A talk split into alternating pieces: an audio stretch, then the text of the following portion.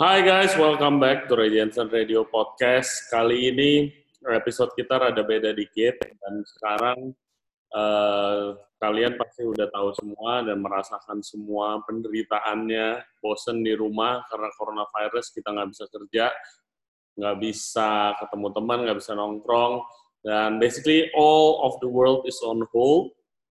Personally restoran gua itu masih buka sih, uh, Fish masih buka, kita uh, hanya bisa order online via Gojek dan delivery system yang lainnya. Uh, bar gue juga masih buka, tapi bentar lagi kayaknya harus tutup karena mulai tutup.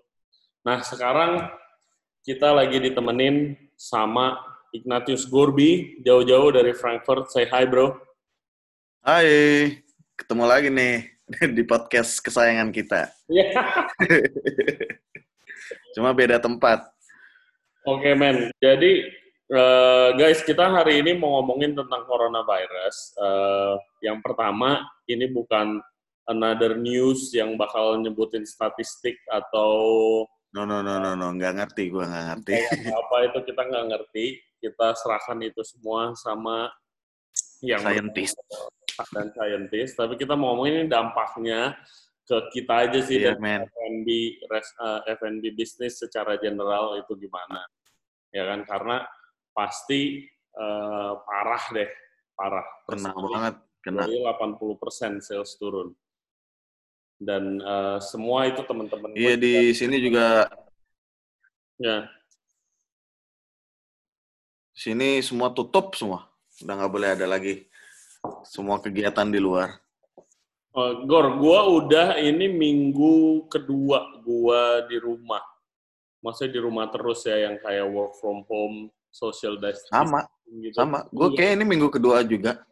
Oke. Okay. Iya betul dari hari Senin minggu kemarin, hmm. eh, minggu lalu, terus sekarang udah mau jalan minggu kedua.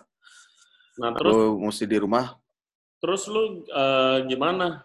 Ceritain lah dari lu, lu balik ke sana kapan sih? Oh, by the way guys, hmm. Burbi ini dia sous chef di Bitlabu restoran yang ada di Frankfurt, Amain di Jerman. Right? Iya betul. Jadi pas kemarin kan mm, Desember Januari gue di Jakarta, terus gue balik, terus ya kerja biasa normal, abis liburan kan langsung bum bum bum. Hmm. Terus kita cuma dengar-dengar isu corona di Cina, gimana di Indonesia orang-orang pada nanya, nggak ada, nggak ada case atau apa-apa. Oh, Oke, okay. mereka juga jauh dari sini. Apaan sih? Cuma flu gitu-gitu. Hmm. Terus lambat laun, toto nyampe Itali, booming, lockdown. Uh, orang orang Jerman udah pada uh, gimana ya? Udah udah mulai mikir dikit-dikit. Hah? Emang sebahaya itu ya? Sebahaya itu ya? Dua minggu, tiga minggu ke Perancis, ke Swiss, toto udah masuk ke Jerman kan. Sekarang mereka juga kena imbasnya. Nah, nah lu confirm case-nya kapan? Confirm case di Jerman ya waktu kalau di Jerman tuh kayaknya dua minggu terakhir tuh udah kayak banyak di berita-berita. Hmm. Udah ada case pertama. Pertama itu di daerah Baden-Württemberg. Itu di mana ya nyebut ya? Selatan ya kalau nggak salah. Pokoknya di kalau di peta Jerman tuh di kiri. Oh. Gua gua kalau di bawah itu gue inget waktu bulan uh, awal-awal Januari itu gue ke apa ke Bali itu di Bali hmm. teman gue udah ada yang confirm corona satu gitu kan. Emang turis dari Buset. turis dari China. Terus dari ah bukan warga lokal. Iya bukan. Terus tapi kayak temen gue dokter terus kayak dia bilang kayak nggak usah takut lah ini emang gak ada apa-apa gitu kan. Iya iya iya. Orang-orang pada kayak gitu. Iya iya santai. Apalagi lo tau sendiri lah di Jakarta kan. Sampai sekarang pun masih banyak banget nongkrong ya.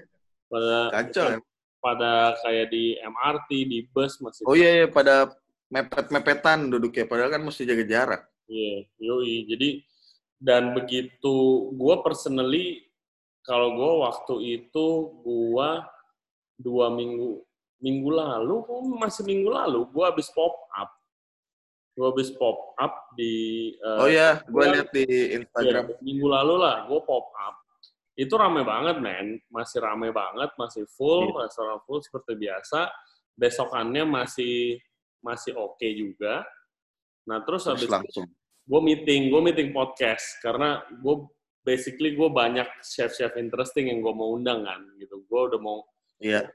mestinya minggu ini minggu lalu itu uh, gue podcast sama penuh.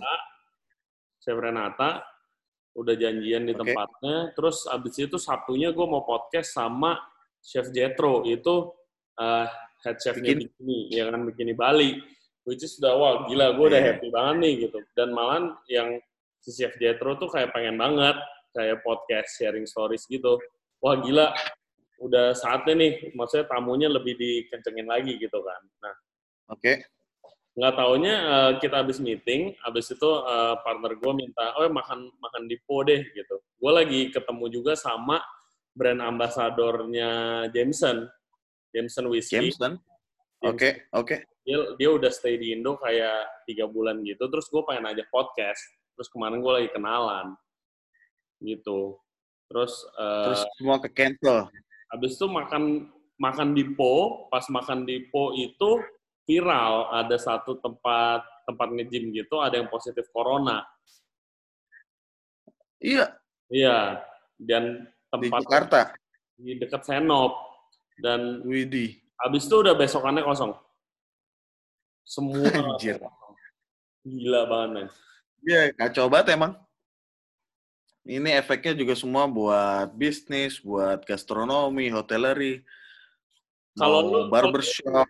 Di Frankfurt gimana, men? Di Frankfurt. Kayak di Bitlabu deh, gimana case-nya? Ceritain dong.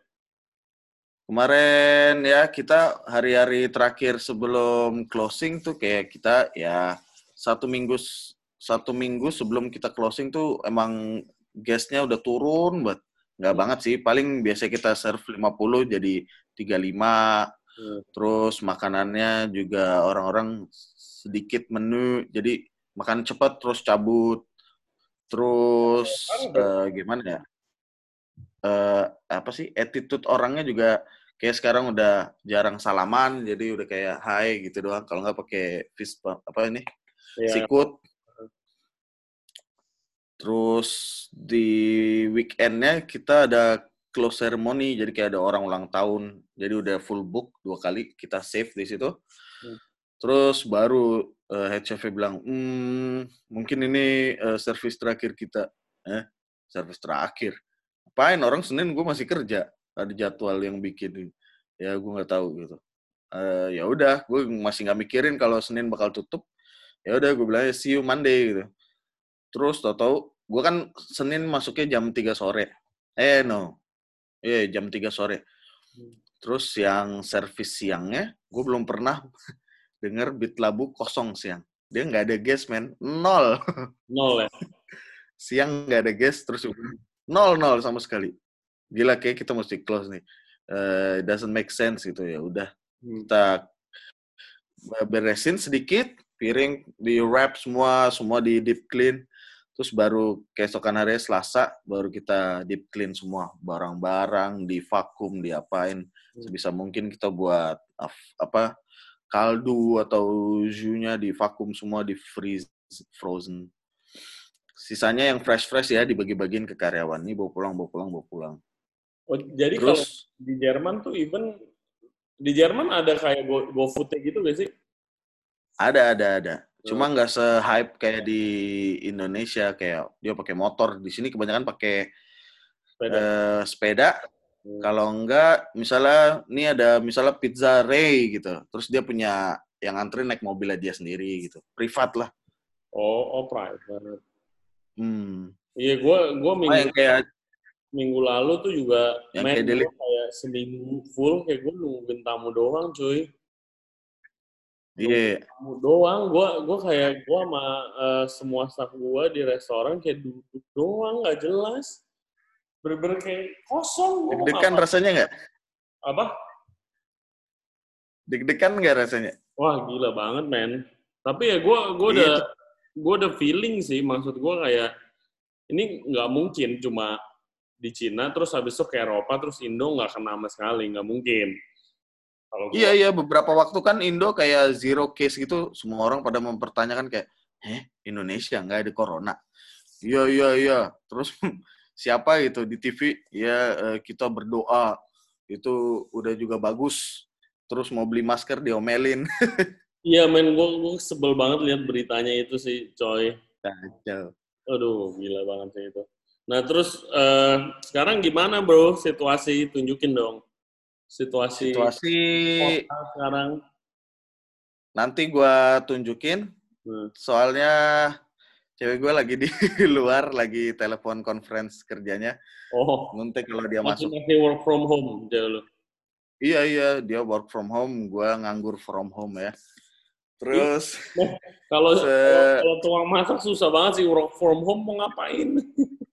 Ya, makanya gue udah coba tiga hari eh, pertama nulisin semua resep gue sampai tangan gue sampai gue bingung ah ini gue resep apa ya nih kapan ya gue masak kayak gini ya Hmm. pokoknya dari gue apa aprong tea sampai Serius, sekarang Bang? kemarin gue tulis semua semua apa Dari apprentice, dari apprentice. Iya. yang dari bukunya tebel-tebel gitu di map gue Oke. tulisin aja gue digitalin semua jadi kalau nyari gampang nggak usah bawa berat-berat sampai gue masak-masak sampai bosen gue kerja cuma masak tidur masak tidur beresin rumah up to five weeks jadi sampai akhir April ya Iya, di sana emang udah dikasih gitu minimum sampai akhir April.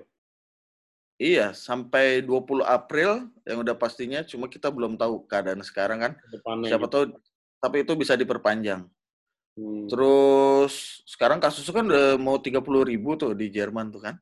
Oh iya, Jadi negara, tapi itu kan yang udah ke tes, tested gitu. Cuma gua nggak tahu 31 ribunya itu di rumah sakit atau self quarantine juga beberapa. Hmm. Cuma angka kematiannya dia kan 0, berapa gitu, 0,8, 0,9 persen kan. Apa 0,3 bahkan. Hmm. Dibanding dengan di Indonesia yang 8 atau 9 persen kan. Di gua nggak Itu jauh banget men. jujur gue nggak yakin nih di Indo apa bener beneran akurat sih grafnya sih.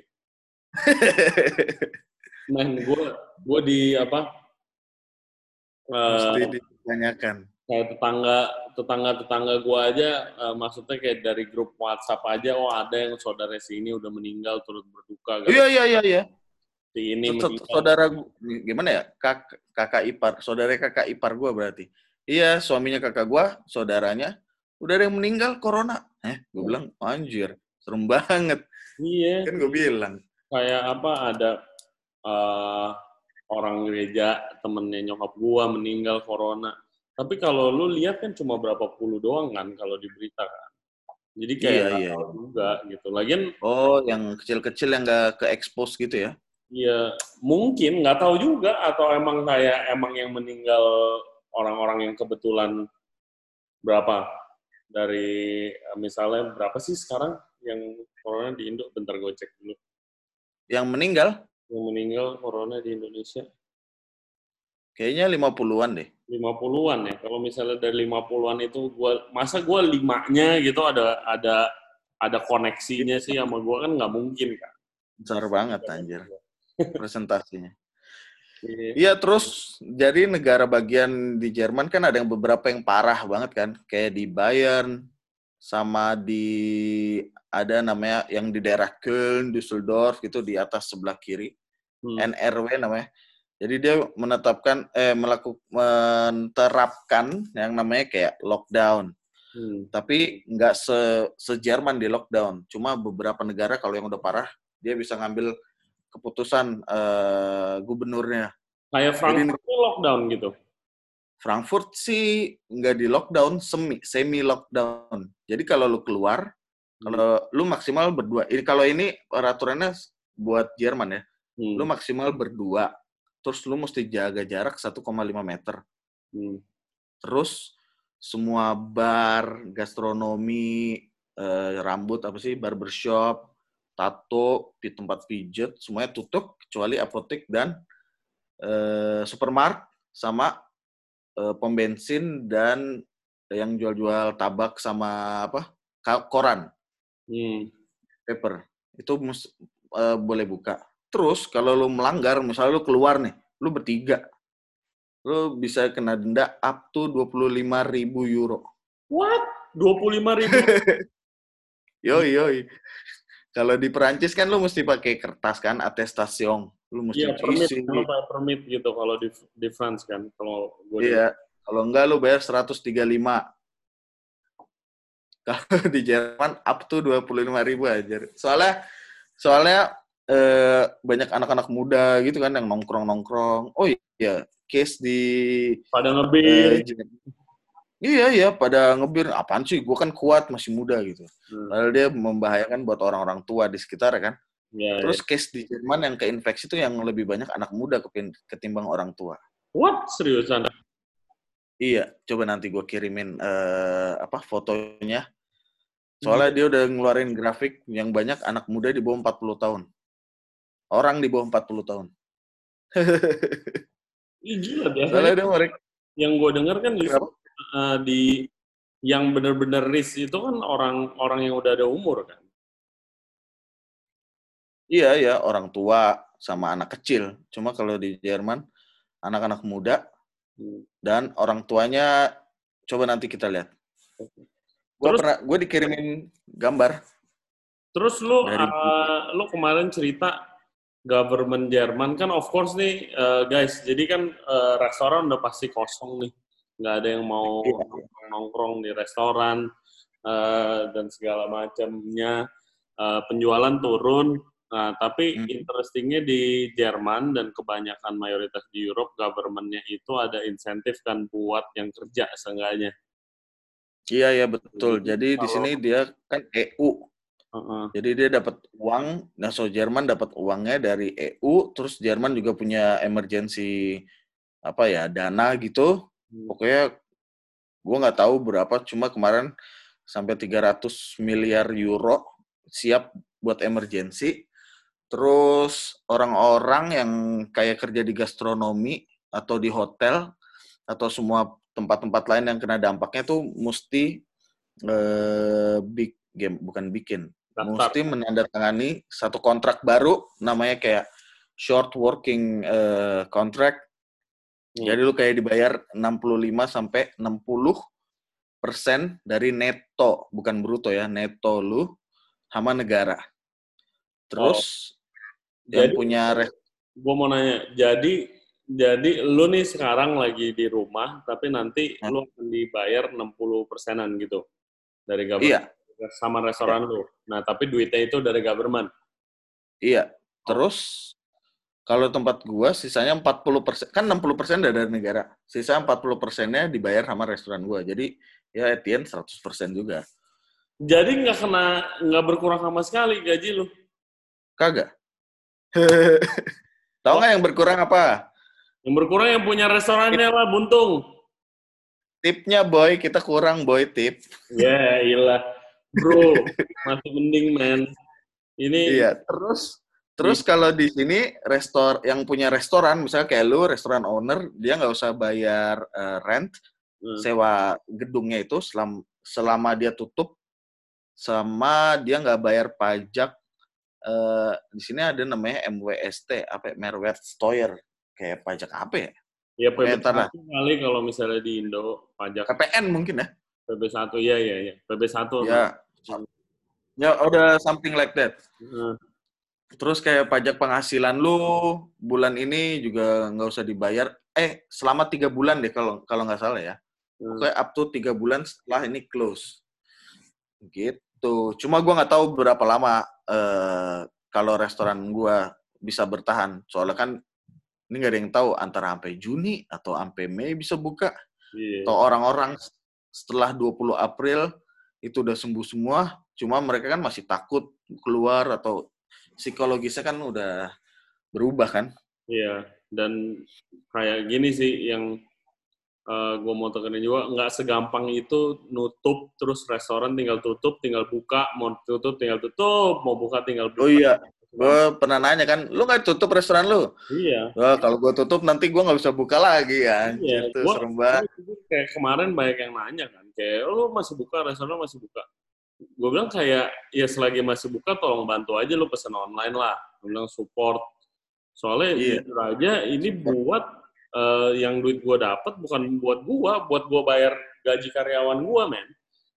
Yang Iya, lebih- independen kayak di KIS itu ada sekarang hampir 30 orang yang kerja sama kita bareng-bareng. Ya terus eh, ya mereka kan perlu gaji gitu kan. Dan gua rasa di Indo sih eh gua nggak tahu ya guys, tapi kayak di Indo masih jauh sih buat cover 60% gaji atau 40% dari restoran, 60% dari negara, mau restoran nggak nggak usah bayar sewanya, gua rasa itu masih jauh sih. Gitu. Oke. Kalau- Kalau misalnya di di Indo ya, Eh, ya semoga aja ada situasi di Indo ini sekarang lagi gila banget coy, khususnya dari grup-grup gede yang Iya. res- restorannya ada ratusan unit di seluruh Indo gitu loh. Gue dengar-dengar ada satu grup yang udah PHK 200 orang, ada satu grup yang udah PHK 700 orang. Bayangin Anjir, 700 orang. 700 orang di PHK. Terus kayak mayoritas grup-grup kalau lifestyle kayak life, eh, lifestyle itu yang tempat-tempat nongkrong kayak Ismaya, Union, sama Biko Group. Itu Hmm. tiga grup paling besar lah di Jakarta kan. Itu udah, Iya, iya itu. mulai kemarin udah tutup semua outletnya. Tutup semua terus unpaid leave gitu-gitu ya?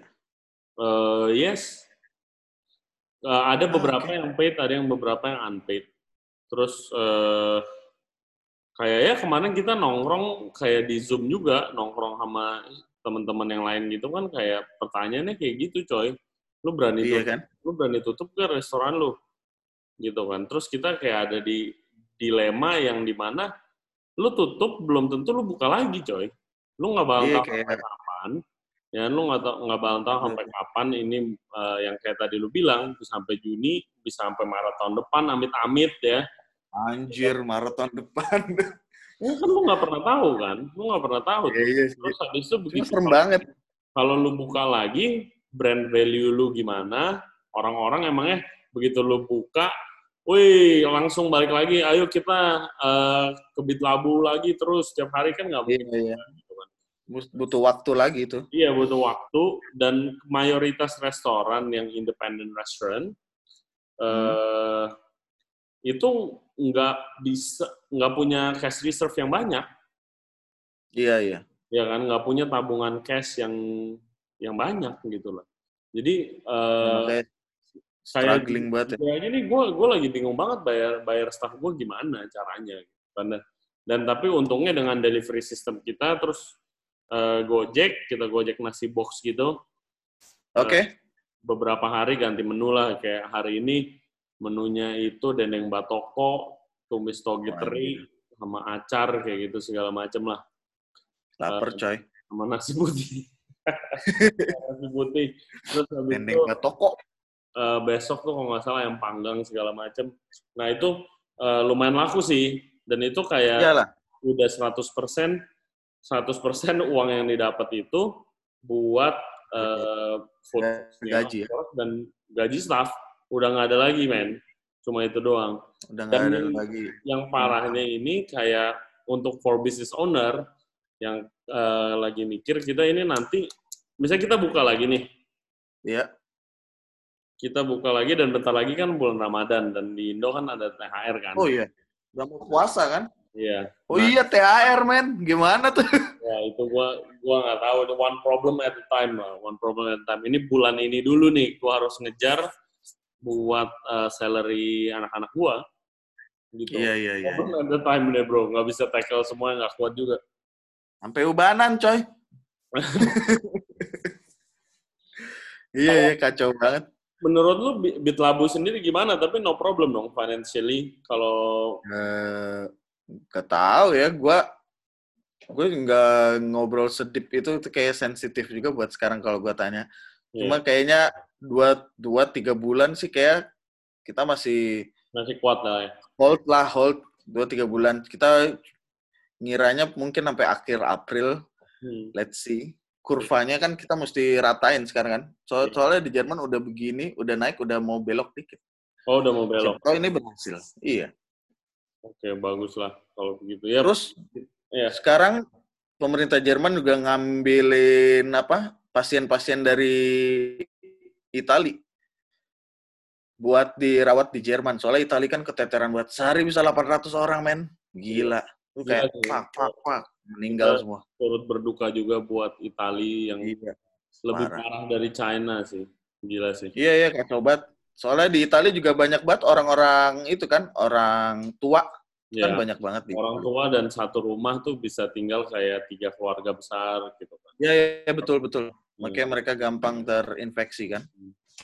Parah sih, parah parah. Dan apa eh, gilanya lagi di bukan cuma gimana ya men kayak menurut gua harus secepatnya di kalau di Indo tuh kayak gua gua dengar dari teman-teman gua yang dokter itu rumah sakit tuh udah keteteran semua, udah penuh banget gitu loh. Iya kan? Heeh. Ya, kayak gue bayangin aja yang kayak ada yang bikin, keteteran. bikin tenda di parkiran gitu segala macam. Dan Anjir. ini susah banget men. Lu di Kor- di Jakarta itu gue denger mau tes corona tuh harganya hampir tujuh ratus ribu buat tes corona. Itu bukan yang rapid test itu?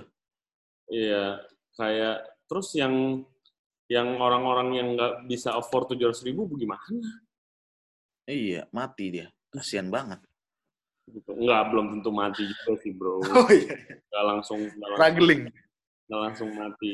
Kayak, eh, Coba nih, tapi kemarin, tunjukin Frankfurt. oke oke. Cuma masih banyak orang apa? Kuli-kuli yang bekerja deh kayaknya buat betulin jalan. Dingin coy. Dua derajat. Dua derajat, bukan lagi spring di sana lo bilang. Enggak, kemarin kita dapat angin beku dari mm, Arctic tuh ya. Damn. Zombie town, bro. Kosong. Zombie town. Nggak ada suara juga ya, gila juga. Soalnya lu mau bayar 25 ribu, atau lu mau stay at home? Kacau. Kangen. Ya mau gimana lagi? Aduh. Setiap hari kerjanya, biasanya kerja sampai malam, sekarang cuma di rumah. Jadi kita ngapain? Gue cuma masak-masak. Kalau lu di Jakarta ngapain? Gua di Jakarta, gua olahraga, gua baca buku, gua masak juga, tapi nggak kayak lu bikin YouTube channel. Eh, ceritain deh. Oh iya, Bray. Cek dong, bad plating. Instagram gue kan Iya. kalian udah tahu bad plating. Nih YouTube nih, gue mau saingin Ray. Jauh banget tapi. Eh, Namanya bad plating. Gue coba-coba ya masak-masak daripada bosen. Apa lo kontennya? Kontennya masak apa? Gue masak ya masakan yang lucu-lucu lah, yang gampang-gampang. Spaghetti bolognese atau pang perdu atau ayam-ayaman. Mungkin nanti bisa lu jual di Fist. Udah jual ayam geprek, bro. Ayam Lu, geprek. lu, lu bikin ayam geprek, Mhm. untuk konten lu bikin ayam geprek, tapi lu dem demoinnya pakai bahasa Jerman. Pasti gokil banget. Anjir. Pasti gokil, Nanti di repost ya. pasti gokil banget, coy. Viral lu langsung lu. Iya iya iya. Cuma banyak orang, gua nggak nyangka kan di sini banyak karantin orang-orang pada bosen, terus banyak yang ngikutin, terus orang-orang pada amazed tuh rasanya kayak gimana ya? Kayak, wih, eh, resep gue dimasak dia, resep gue dimasak dia. It works. Mantap, mantap. Ntar gue subscribe. Iya.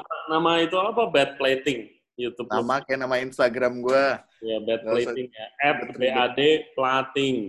Guys. Yo, Terus eh selain selain eh, sibuk YouTubean dan nulis-nulis resep gimana, men? Aktivitas lu sehari-hari di sana? nothing. Mungkin olahraga di rumah atau hiburan gua tuh paling kayak sekarang kan oh ya kemarin minggu gua sempet keluar rumah cuma ke hutan. Sekarang kan lagi seasonnya wild garlic, Hmm. ransom bahasa Inggrisnya tuh. Hmm. Jadi kita ke hutan ya udah gua ngambil-ngambilin aja. Soalnya gratis kalau lu jualan eh kalau lu beli di supermarket lu mesti bayar. Di Emangnya di hutan super- sambil lu di jalan-jalan, ada ada refreshing. Ramson gitu. Ramson ada di supermarket. ada ada yang jual. Oh, ada yang jual. Ada, itu Ya, itu- value, man. Oh iya, Kalau di Europe kan tinggal ngambil doang, men. Iya, makanya kalau di sini ada yang jual. soalnya kayak mungkin orang malas ke hutan atau eh, orang tua kan jongkok-jongkok bungkuk gitu kan sakit Oke guys, jadi Ramson itu adalah bahasa Inggrisnya wild garlic. Itu Kayak- bentuknya kayak daun pandan nggak sih ya? Kayak daun pandan lah, lebih ya, kecil. kayak segini kecil Hmm. cuma kayak daun bawang rasanya Rasanya kayak daun bawang dan bawang cuma putih. lebih iya lebih bawang putih Iya, dan intens. Biasa di, Yoi. buat dulu sih pesto kalau di Prancis gue bikin eh, risotto pakai itu. ya betul Ambil di belakang enak rumah. banget Yoi. gratis Lu freeze lah, lu freeze. Kalau nggak bikin paste nanti kalau balik balik Indo lu bawain. lu mau lo mau coba lah? nanti gue bikin mau gue bikin eh, pesto atau Oh. oil Ya bikin bikin pesto lah, terus lu freeze bawa kemari. iya Dan eh, Tapi- terus nextnya bagaimana nih men? nggak tahu gue gue masih menunggu berita Kemarin ada terus encouraging news katanya kalau di kalau yang Indo sih yang eh, lu dengar gak sih yang tiga kasus pertama yang di restoran Amigos? nggak tahu gue nggak tahu sama sekali di Indonesia kalau di Indo tuh Kenapa restoran? pertama, pertama kasusnya yang Oh. keluar itu yang dance itu yang dansa dansa bukan sih Iya, dance, karaoke dan oh iya, iya. gue kemarin dengar iya, dan baru kemarin di Amigos, di Amigos Kemang kan. Hah? Nah, Hah? dan hari yang sama tuh gue lagi di Amigos juga, tapi bukan Amigos Kemang, gue di Amigos Kuningan. jangan-jangan Enggak lah, gila. Nah, tapi eh, kemarin gue baca berita katanya ya ini eh, kan tiga orang yang kena kan. Nah, ini tiga-tiga udah sembuh katanya. Udah yang pulang. ibu-ibu itu toh Nah, udah pulang kan ibu, anak sama satu lagi siapanya. iya yang cewek gue lihat di berita Iya. pakai baju kebaya udah sembuh Udah ya udah pulang, which is eh, ya encouraging news lah. Gila banget Iya. sih. Di sini tuh setiap hari, men, ya gue yakin lu sama lah. Gue sih berasa tiap hari kayak, aduh, kayak tadi gue baru dikabarin, oke mall akan tutup mulai tanggal 27. Gue kayak, ah, damn. kosong Ya soalnya eh, tempat ngebir gue masih ada aja gitu kan. Dan lagi gue butuh duit buat bayar bayar apa bayar gaji karyawan dan ini kayak Iya. lusa tutup. Begitulah bro. Iyalah. semua sumber sumber cuan Kacau sih di sini. Di sini itu eh, dan gue yakin di seluruh dunia pasti banyak banyak banget restoran yang yang nggak kuat. Jangan kan jangan kan suruh sebulan tutup gitu, suruh dua minggu aja banyak banget yang nggak kuat pasti. Karena bukan 300 300 meter dari Bit Labu aja udah banyak restoran yang tutup. Iya, Maksudnya bangkrut ya, bukan Bangkrut. tutup habis itu buka lagi. iya. Iya, Banyak banget restoran yang karyawan dipecat-pecatin. Hmm. Padahal dia sebelumnya performance-nya good gitu, kayak bagus. Ini restoran penuh terus, terus tau-tau ada ginian, lah orang-orang dipecatin. Wah heran juga, gimana sistem di dalamnya?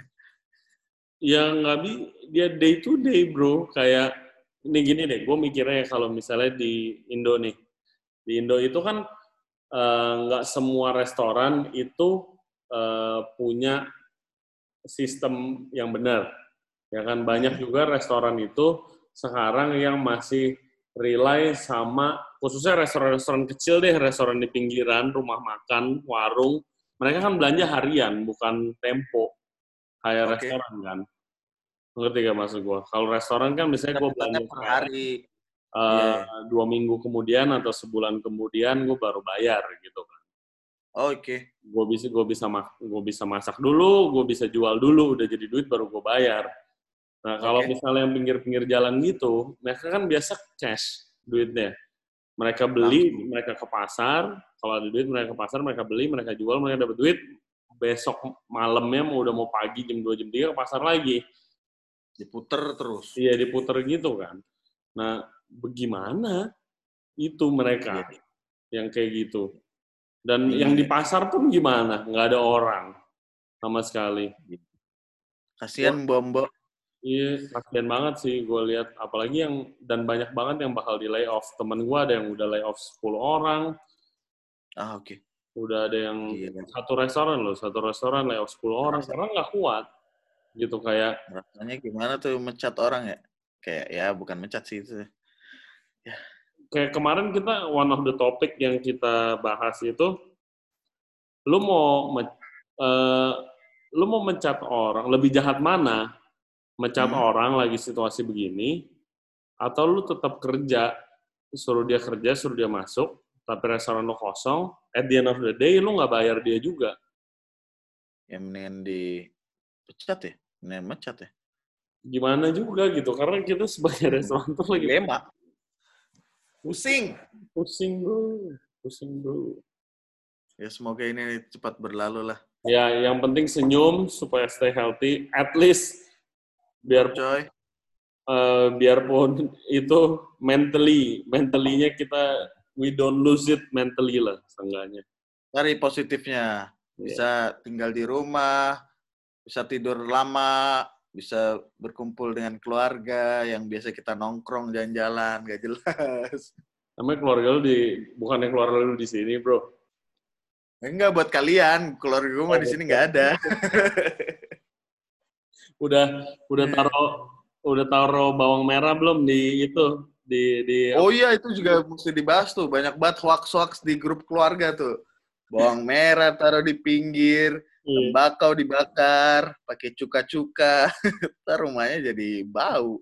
Gua dari dari model gitu ya rumah gua tuh sekarang udah bawang merah semua cuy kalau pagi juga kayak wah gila bau bawang merah karena sambal bawang ya. katanya nyerap kuman gua tiap hari udah minum dari kunyit madu oh iya iya, iya. gua lihat jamu apa gitu gua udah minum jamuan pon-pon iya dari air jahe air kelapa gua minum semua gua sikat vitamin semua dikasih dikasih bonyok gua Gue udah nggak tequila.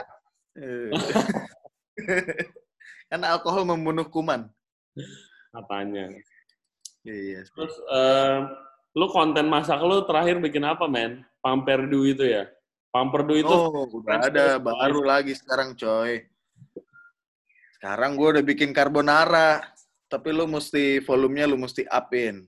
Kenapa? Itu rasanya kayak carbonara kan orang-orang eh, banyak persepsi carbonara. Gue bi abis bikin gue upload orang bilang hah kok lu nggak pakai krim? Kok lu nggak pakai apa eh sana bahasa Jerman ya? Nggak pakai krim heavy cream hah? Emang carbonara pakai heavy cream kan original cuma egg yolk sama parmesan sama guanciale kalau ada kalau nggak ada ya pakai pork belly atau yang buat muslim gue saranin pakai ayam cuma yang ada skinnya jadi kayak crispy crispy kayak babi gitulah Terus orang-orang pada emes, hah bahannya cuma segini. Ah bikin ah. Jadi mereka pada bikin banyak. Oh. Pang perdu juga. Sampai di Jerman pun masih begitu ya. Gue pikir cuma Indo doang yang bikin carbonara pakai krim, bawang bombay, sote dulu. iya, iya, iya. Klasik kan orang-orang taunya kayak gitu. Di sini juga ada yang jual kayak gitu. Pasti restoran-restoran tourist trap atau hotel-hotel old school shit. Juga mereka jual kayak gitu. Bro. Kenapa? Iya, iya. Wow, that's surprising. Ya, makanya gue pernah kenal sama orang juga. Eh, ada order. Kan room service ya. Di hotel kan ada room service. Uh, pesto, penne. Terus dia masak, dimasukin krim. Hah? Lo masukin krim di pesto? Nah, iya. Hah? You're too 90s, man. gue bilang, no, no, make new. gue suruh bikin baru. Ini cuma olive oil, pasta water, sama pestonya udah selesai. Yeah. Oh gitu. Enggak, gue taunya gue pakai krim, pakai krim. Gila lo krim-krim semua. Iya, gue gua waktu gue balik ke Indo juga uh, kalau carbonara kan sebenarnya lu don't even need to put it on the heat kalau waktu gue no. ya gitu kan lu lu rebus lu matiin ya, lu matiin terus habis itu uh, lu kasih parmesan udah gitu iya. kan. black pepper iya. palingan terus hmm. uh, waktu gue balik kayak terus gue kerja terus kayak ada orderan carbonara gue mau langsung bikin begitu aja kan. Terus kayak salah apa yeah. nih? Gitu kan. Ini nggak even nggak even pakai telur bro. Kayak sote sote onion dulu yang lama terus habis itu di dilute pakai krim pakai smoke beef juga nggak di sote di situ smoke beef udah jadi kan. Tinggal okay. doang. Terus gue kayak terus cuma di reduce doang? Iya gue kayak wah gila ini kayak pizza hut shit banget kayak pizza hut banget ini Eh, ter kalau ada orang Italia gimana ya? What is that? Lapang gula. Ya lucu-lucu aja. Oke deh bro, kalau gitu thank you banget buat waktunya men. Eh, Ya ya, gue punya plenty of time. Banyak. Mungkin kita bikin series-series ngobrol-ngobrol bareng. Iya iya siap siap siap. Nanti gua uh, gua aturin. Ini kan Zoom kan bisa bisa banyak juga kan itunya. Betul betul. Daripada Iya. kita nggak ngapa-ngapain, kita mungkin tukar ide atau apa. Nanti gua aturin. And thank you very much guys for watching and listening. Gua dan uh, Yep. Dorby ngobrol-ngobrol. Uh, Semoga berfaedah.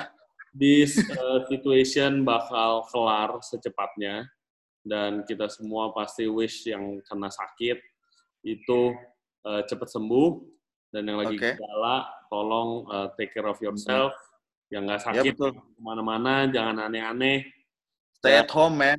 kita juga mau bilang thank you untuk petugas-petugas dan pekerja kesehatan dokter suster Betul, betul all over the world you are the real hero here lifesaver everything uh, scientist yang mau uh, lagi testing vaksin we hope Iya. everything goes well lancar supaya ini bisa kelar kita bisa kerja lagi kita bisa masak Amin, lagi amin.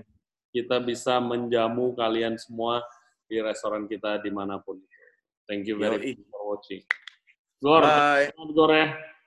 Ntar gue kabarin lagi, gue kabarin lagi. Siap, siap. Bye bro. Bye. See you guys, thank you very much.